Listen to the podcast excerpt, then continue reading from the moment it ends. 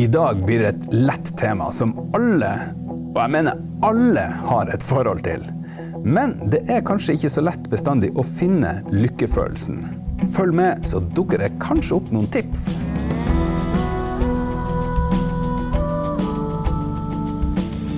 Observatoriet. En forskningspodkast fra UiT Norges arktiske universitet. Med Geir Hevnskjell Ringvold, mannen som lurer på det meste, og Marit Anne Hauan, som bokstavelig talt lever av fortellinger. Og en ny, spennende forsker hver uke.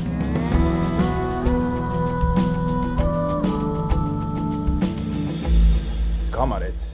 I, eh, nå I 2018 så ble Norge vippa ned på andreplass. Beslått av Finland i, eh, i en sånn kåring av verdens lykkeligste land. Så i den anledning så har vi invitert med lykkeforsker, som er professor ved Institutt for psykologi, Joar Wittersjø. Velkommen til oss. Tusen takk. Hva skjedde? Nei, Det skjedde vel egentlig det at Finland gikk litt opp, og Norge sto på stedet hvil. Og, og Forrige gang det skjedde, det var når Danmark gikk ned og Norge sto på stedet hvil. Men da var plutselig Norge det lykkeligste landet. Ja. Og det var det mange som ønska å ta til inntekt for seg sjøl. Men det som egentlig skjedde, var at Norge var akkurat like lykkelig som det hadde vært de siste fem-seks åra. Og så er det litt endringer i de andre landa som ligger rundt. Men det skal jo også legges til at endringene er jo mikroskopiske små. Jeg husker ikke tallene for Finland. Men for Danmark så var det sånn at Norge hadde en poengsum på 7,54. Og så hadde Danmark en poengsum på 7,52. Så det blir litt sånn eh, flisespikkeri. Ja, sånn skøyteløp når de slår hverandre med 0,01, ikke sant? Det, ja, ja, ja. Men altså, kanskje ikke så rart at Finland går opp. De danser tango, og de er litt melankolske og alvorlige. Og kanskje ikke de prater så mye tull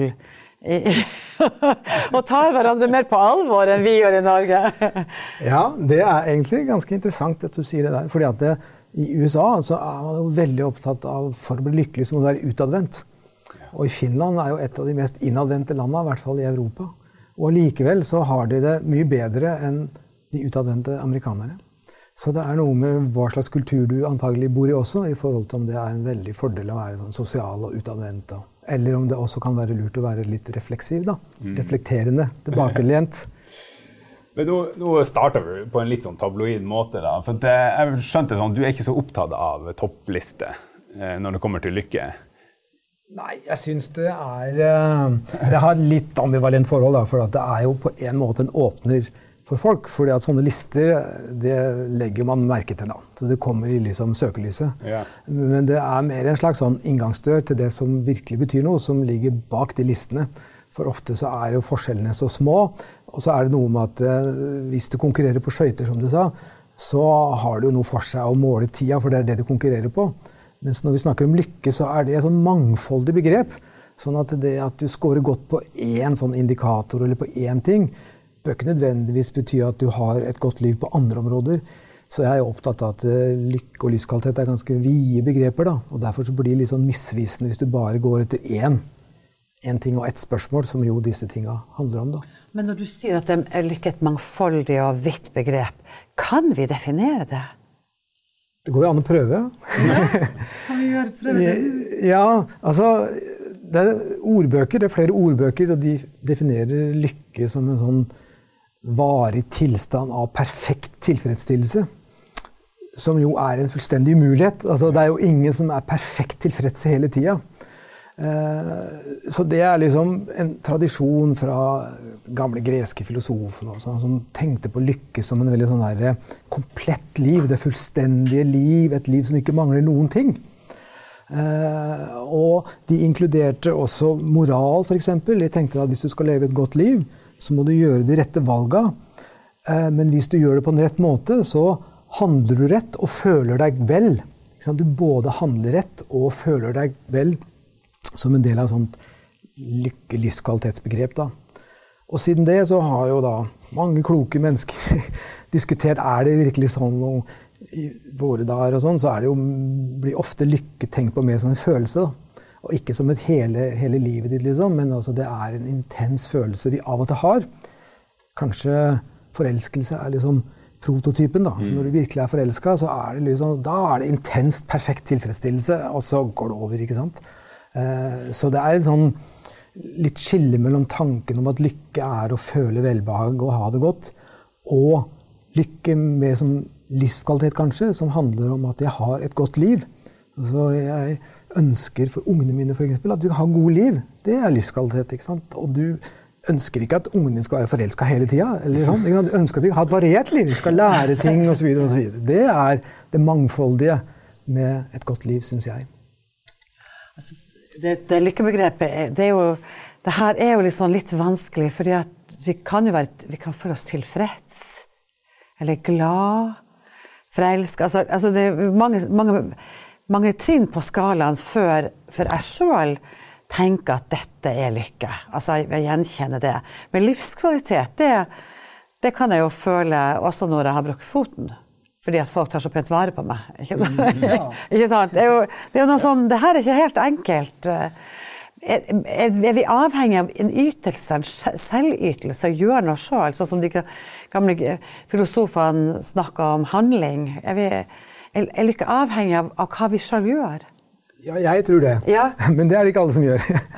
Så det er en sånn ting som blir diskutert hele tida og forska masse på, og som er litt sånn vanskelig. fordi hvis du tenker sånn biologisk, så er egentlig velbehagsfølelse, nytelse, et signal om at vi har det bra.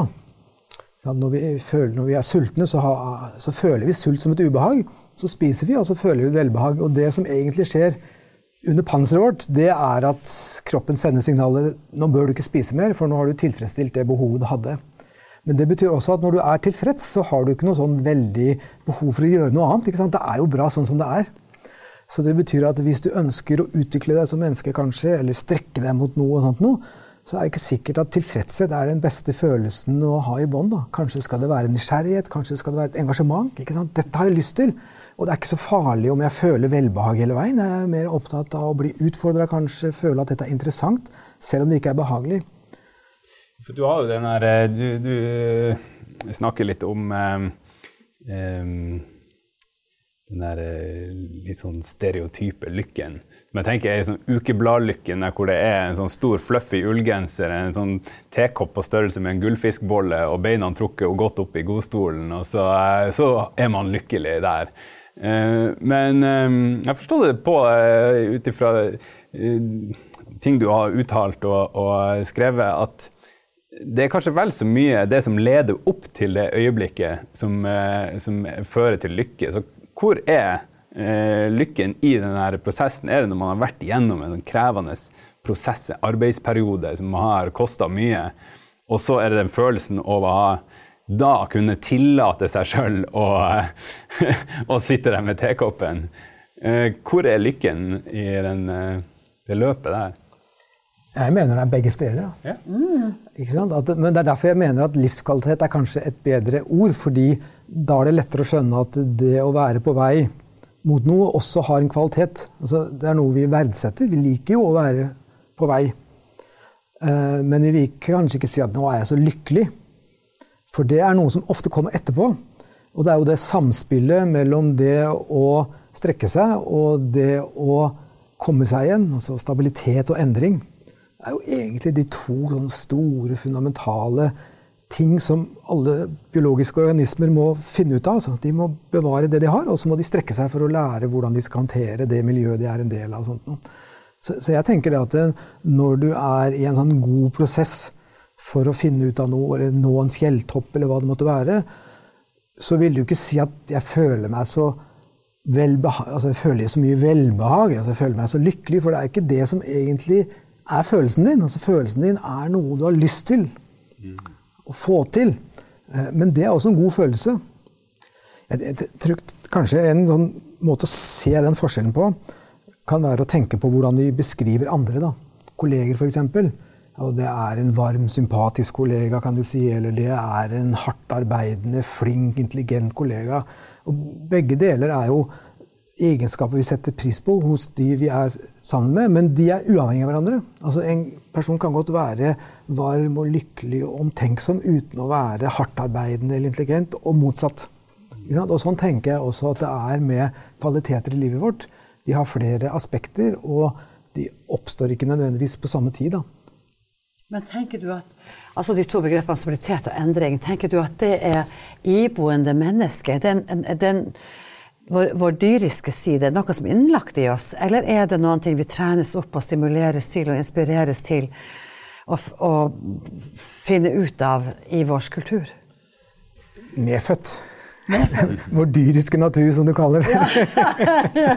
Nei, altså, det er ganske fascinerende. Altså, selv bakterier de strekker seg mot områder som er full av næring, og så trekker de seg ut av områder som er enten giftige eller farlige eller næringsfattige. De har sånne små propeller, så vidt jeg veit, som hjelper dem til å bevege seg mot det som er godt. Uh, og, og, det har vi også.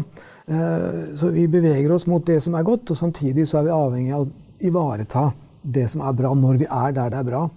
Og, og, og det er jo altså grunnen til at det ikke bare er kulturelt.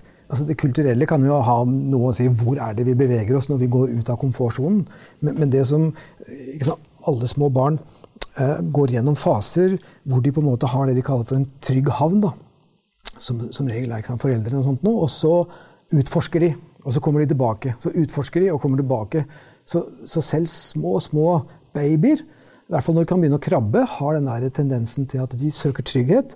Og så går de ut. Og så går de stadig lenger ut, og så kommer de tilbake. Så det er sånn en vekselvirkning mellom den stabile, trygge og det litt mer ukjente, utforskende. Så det er et vekselvirkning helt fra første dag, antagelig, det der, altså.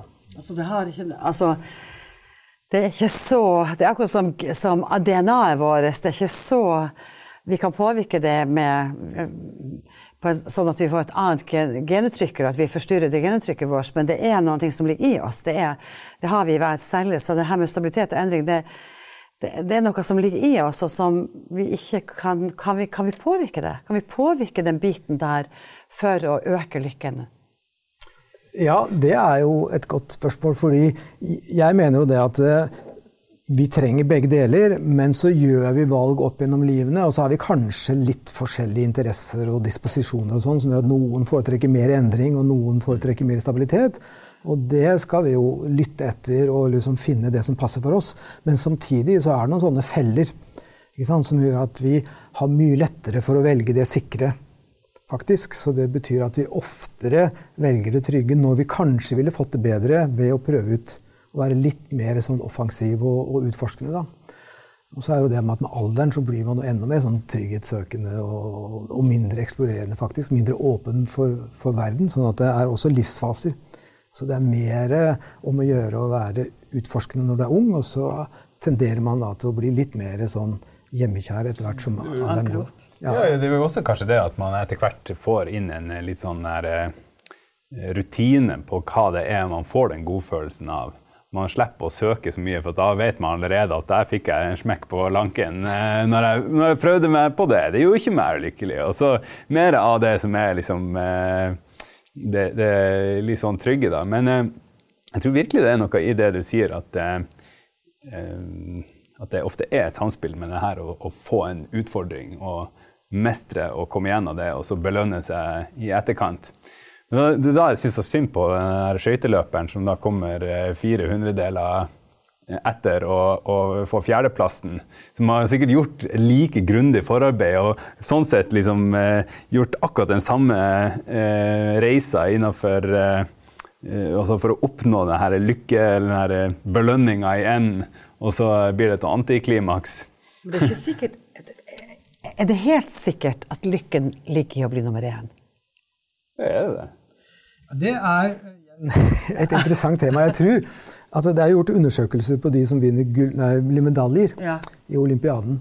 Og da er jo bron, De som vinner bronse, er lykkeligere enn de som vinner sølv. Men de som vinner gull, er aller lykkeligst. Men det er fordi at sølv er så nær. Altså Du var så nær 400 millisekunder fra. Mens det som er tredjeplass, det er liksom sånn Det var nesten så det ble nummer fire. Og det er jo veldig mye bedre å bli nummer tre. Så det er en sånn derre litt paradoksal greie at du er mer fornøyd å ta tredjeplassen enn andreplassen. Men, men jeg tror nok det at akkurat i det øyeblikk du vinner, så føles det enormt sterkt. Og det er jo så mye emosjoner i disse her sportssendingene og sånt. Ikke sant? Men det som jeg òg syns er veldig spennende, det er jo at eh, hvis du blir nummer to, så er det veldig sånn Nei, nå fokuserer vi på neste oppgave. De dveler nesten aldri ved det som har vært. Altså, det går liksom 15 sekunder, og så begynner vi å snakke om neste konkurranse. Dette er bare en oppkjøring til noe som kommer, og noe som kommer. Og det er kanskje noe som det går an å lære av sånn prestasjoner på idrettsbanen. At de sitter ikke veldig lenge og dveler ved det som gikk gærent. De tenker at det kommer nye muligheter, og min jobb nå er å fokusere på arbeidsoppgavene, som de kaller det. Som er da å, å gjøre sånn og sånn. da. Det har jeg tenkt på på en helt annen måte. Det har jeg tenkt på er egentlig at det var at det nesten vært litt synd at ikke de kunne nyte å være for OL, være verdens nest beste skøyteløper, eller hva det måtte være. Det er så synd at mennesker ikke kan glede seg over sånne ting, men skal liksom videre. Så der har jeg kanskje bomma. egentlig så burde jeg eh, sett eh, verdien av å ville videre. Ja, kanskje du har sett det likevel. Ja. det spørs jo litt hvor du skal. ikke sant? Ja, ja. Hvis du vil bli olympisk mester, så må du kanskje kan du kanskje ikke tillate deg å liksom si at dette var jo fantastisk, og kro deg opp i en god stol med et glass rødvin og kose deg med bok eller musikk eller hva du liker. ikke sant? For de skal videre hele tida. Men det er jo noe med hva er egentlig det endelige målet der.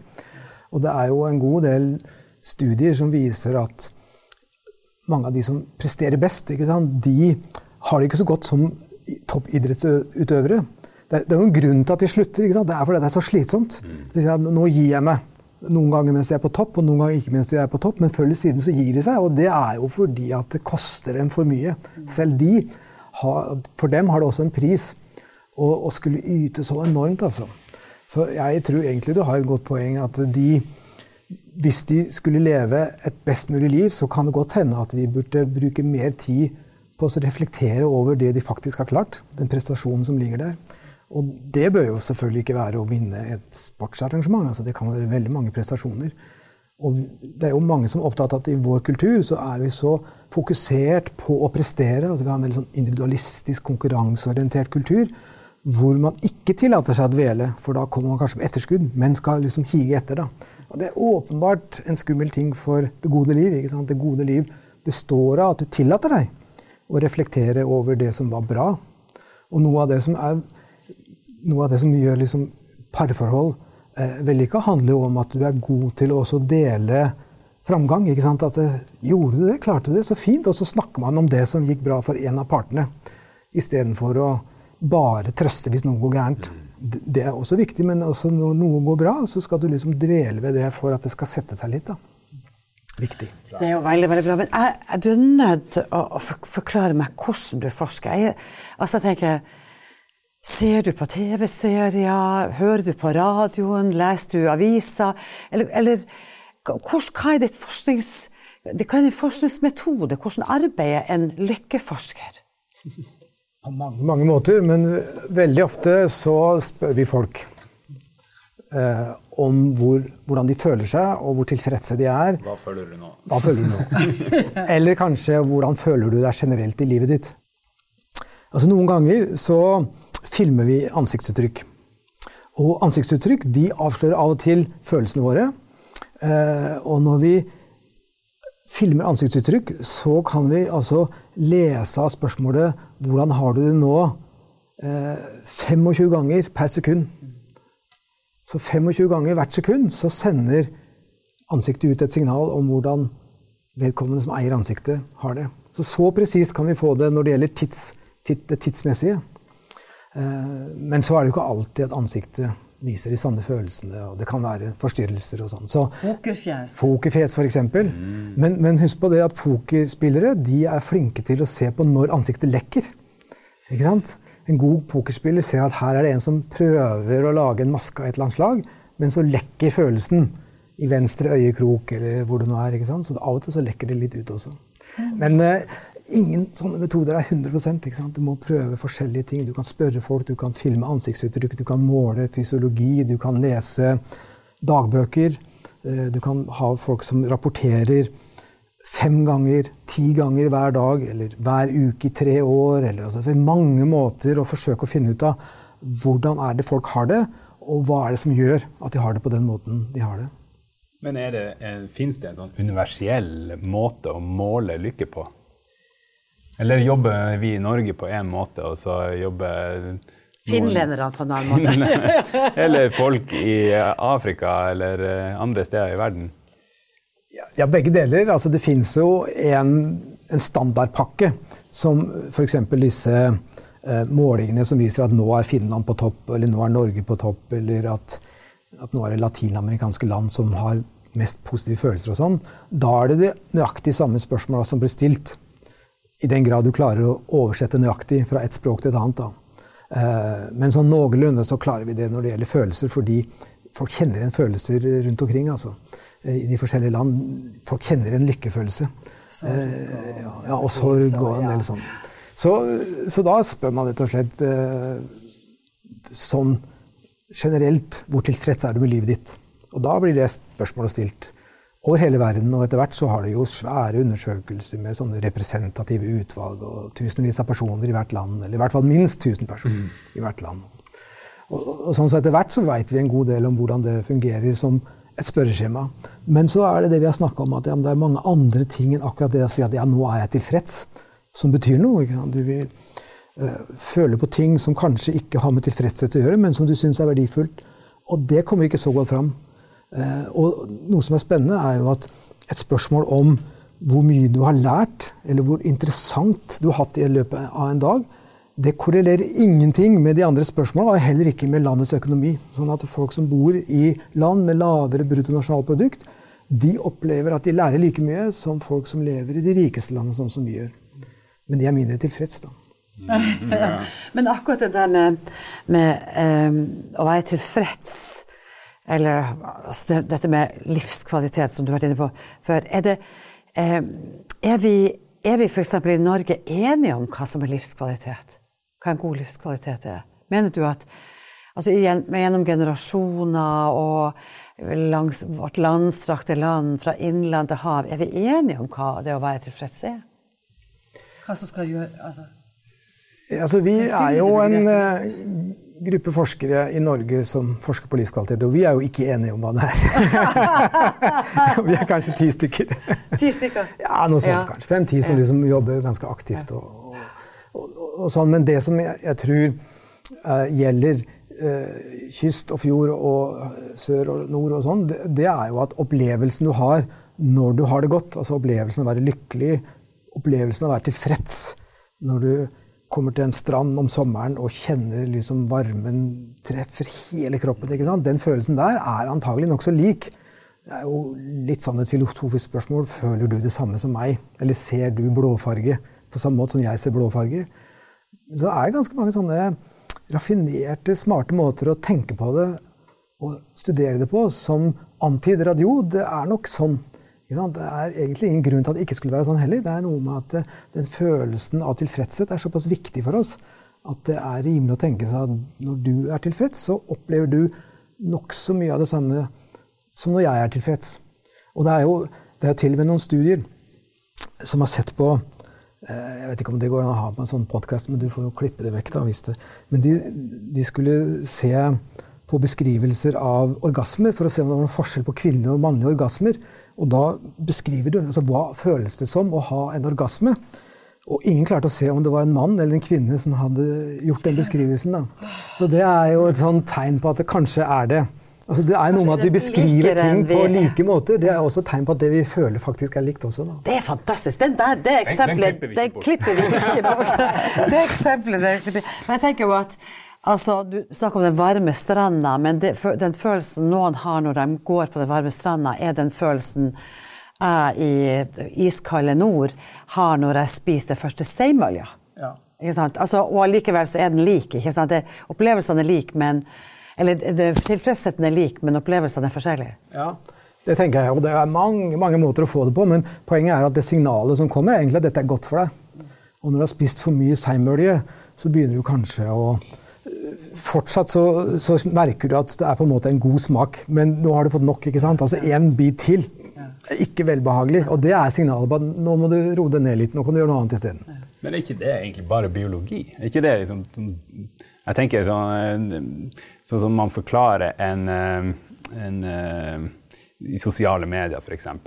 hvor jeg skrev en Facebook-status som jeg er veldig fornøyd med. Som jeg har liksom tenkt ut i lang tid i forveien, formulert liksom møysommelig og sånt. Og så er den ute der, og så bare Vi har overøst med likes og hjerter og klikk. Og det, folk syns det er, det er skrattmorsomt. Eh, det eller at den, eh, den faller flatt og den var mye morsommere i hodet ditt enn den var. Eh, men at det beskriver med sånn det er sånn dopaminboost eller noe sånt som liksom belønningssenter i kroppen som, som aktiveres. Er det, er, er det, det som er lykke? Sånn rent sånn, sånn biologisk i kroppen? Eller er det et dårlig spørsmål? Nei, det er jo et godt spørsmål, og mange stiller det spørsmålet. Det er, altså det er vanskelig å besvare det kort og presist, for selvfølgelig så skjer det ting i kroppen øh, og, og hjernen, men altså det er liksom noe med at hvis du tror at en forelskelse handler om en viss mengde dopaminresponser, så har du ikke skjønt hva en forelskelse er. er Opplevelsen av å være forelska handler ikke om at du kjenner noen prikkinger. Den er jo mye mer intens, og det er jo det som er med opplevelsene våre. At de har en forankring i hjernen, selvfølgelig, men opplevelseskvaliteten er jo noe vi skaper i egenskap av å være mennesker. Da. Så skaper vi en følelse av noe som er oss, og som er viktig for oss eller ikke viktig for oss osv. Så sånn at det er jo i hvert fall ingen motsetning med det at det foregår ting i, i hjernen, og samtidig opplever vi noe som godt eller dårlig. da. Men altså, jeg er jo blitt best, jeg er jo så heldig at jeg er bestemor. Eller er mor, som vi kaller det for min tradisjon. Eh, og det var jo en helt ubeskrivelig lykke å bli bestemor. Altså, disse ungene er jo, det er jo Altså, det er jo helt utrolig. Altså, nesten sånn at jeg gang på gang har jeg klipper meg i armen, og tenkt Tenk at du skal få oppleve dette med meg. Og jeg så Jeg kan liksom kjenne at jeg blir varm i kroppen, og at jeg liksom får tårer i øynene av, av den, bare, bare å tenke på situasjonen. Men jeg husker ikke at det var likedan da jeg ble mor. Og nå har jo lykkeforskere vært ute og sagt, at, eller forskere vært ute og sagt, hvem det nå måtte være, at man er ikke så veldig lykkelig når man er foreldre. Stemmer det? Er det en, er det en forskning vi skal høre på? Ja, altså det, det, er jo et Igjen. igjen, ja. ja mange, det er jo, ja, man har formeninger om lykke fordi man føler det sjøl. Eh, og Hvis du har en fantastisk opplevelse av å bli bestemor, så er jo det en fantastisk opplevelse. Det er samme av hva forskerne sier. Men det som de finner, og det finner de om igjen og om igjen, og om igjen, det er at det å bli foreldre betyr ikke at du svarer at jeg er mer, til, jeg er mer tilfreds med mitt liv generelt. Altså de spørsmåla som går verden rundt. Da er det jo motsatt, faktisk. At de som blir foreldre, de svarer litt lavere på det. Eh, og det betyr antagelig at det er en del utfordringer, eh, særlig i småbarnsfasen, eh, som gjør at det der spørsmålet er du tilfreds, har noen sånne heftelser ved seg. Som ja, men det er ganske mye nå, så det er ikke helt på topp. Også når ungene flytter hjemmefra, så er man liksom tilbake der man starta før. Da. Men så er det jo, dette er noe med at livskvalitet er et mangfoldig fenomen. fordi at selvfølgelig så er ungene dine noe av det viktigste. Å si at det ikke betyr noe for livskvaliteten min, blir litt absurd, for det betyr jo nesten alt. Og særlig i bestemte faser er det ekstremt viktig.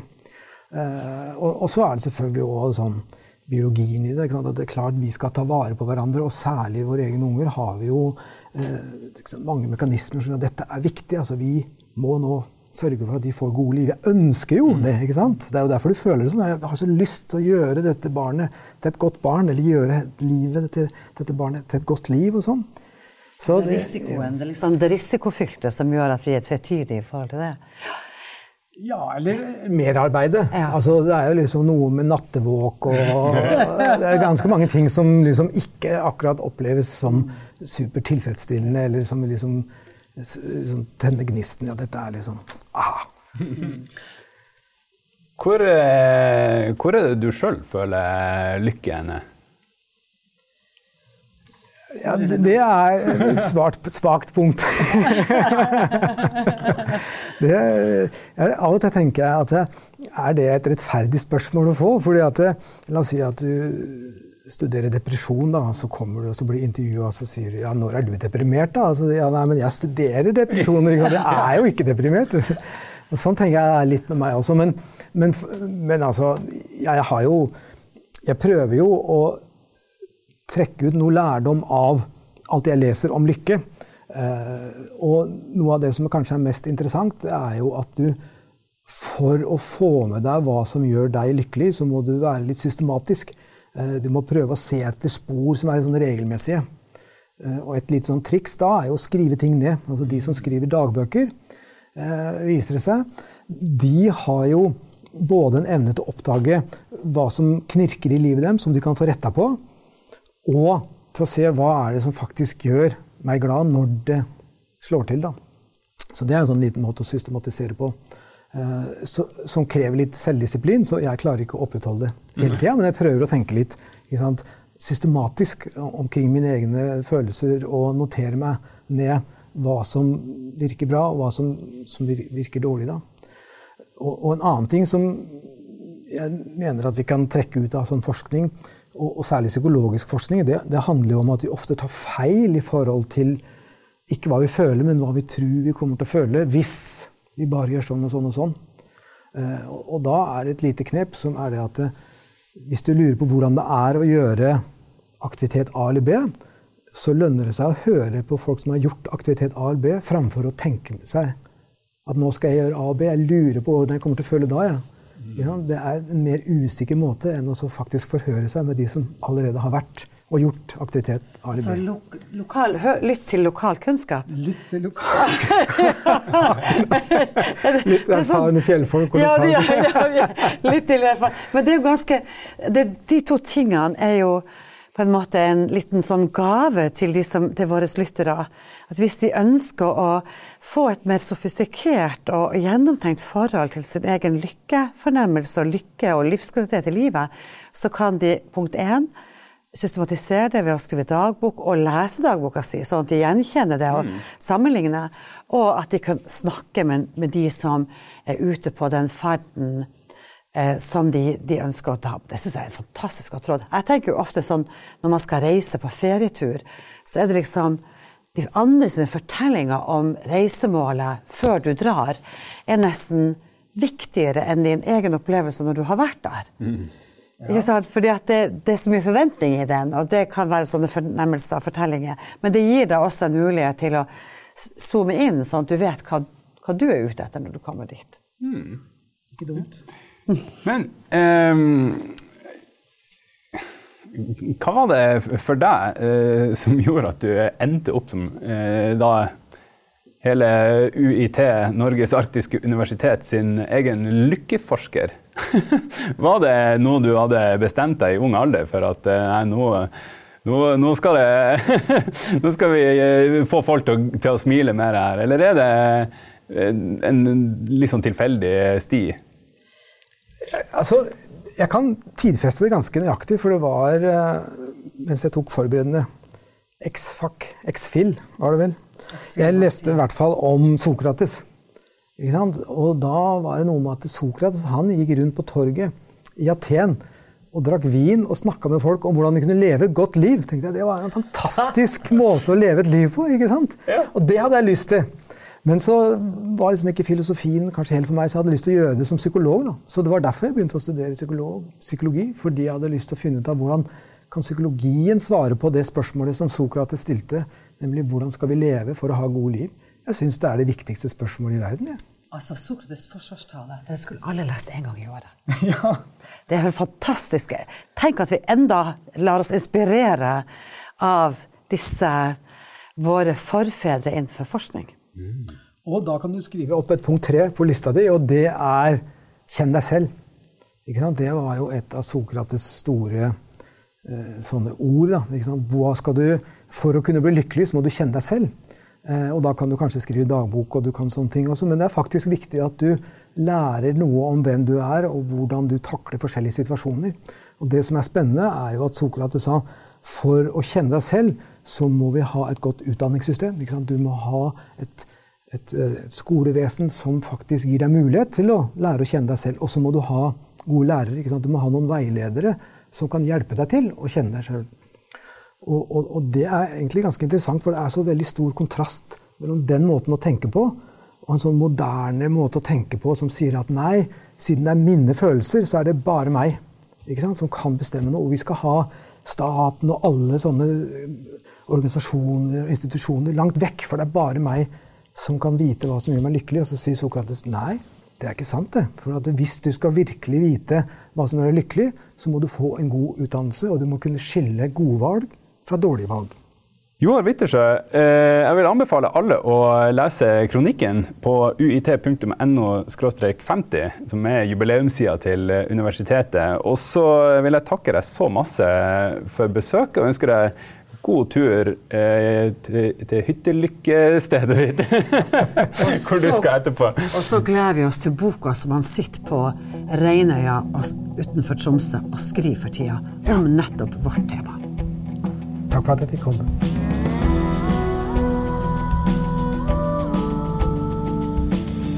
Hør gjerne gjennom vårt rikholdige register Observatoriet på iTunes eller Soundcloud. Og søk oss gjerne opp på Facebook. Observatoriet podkast heter vi der. Takk, takk for nå.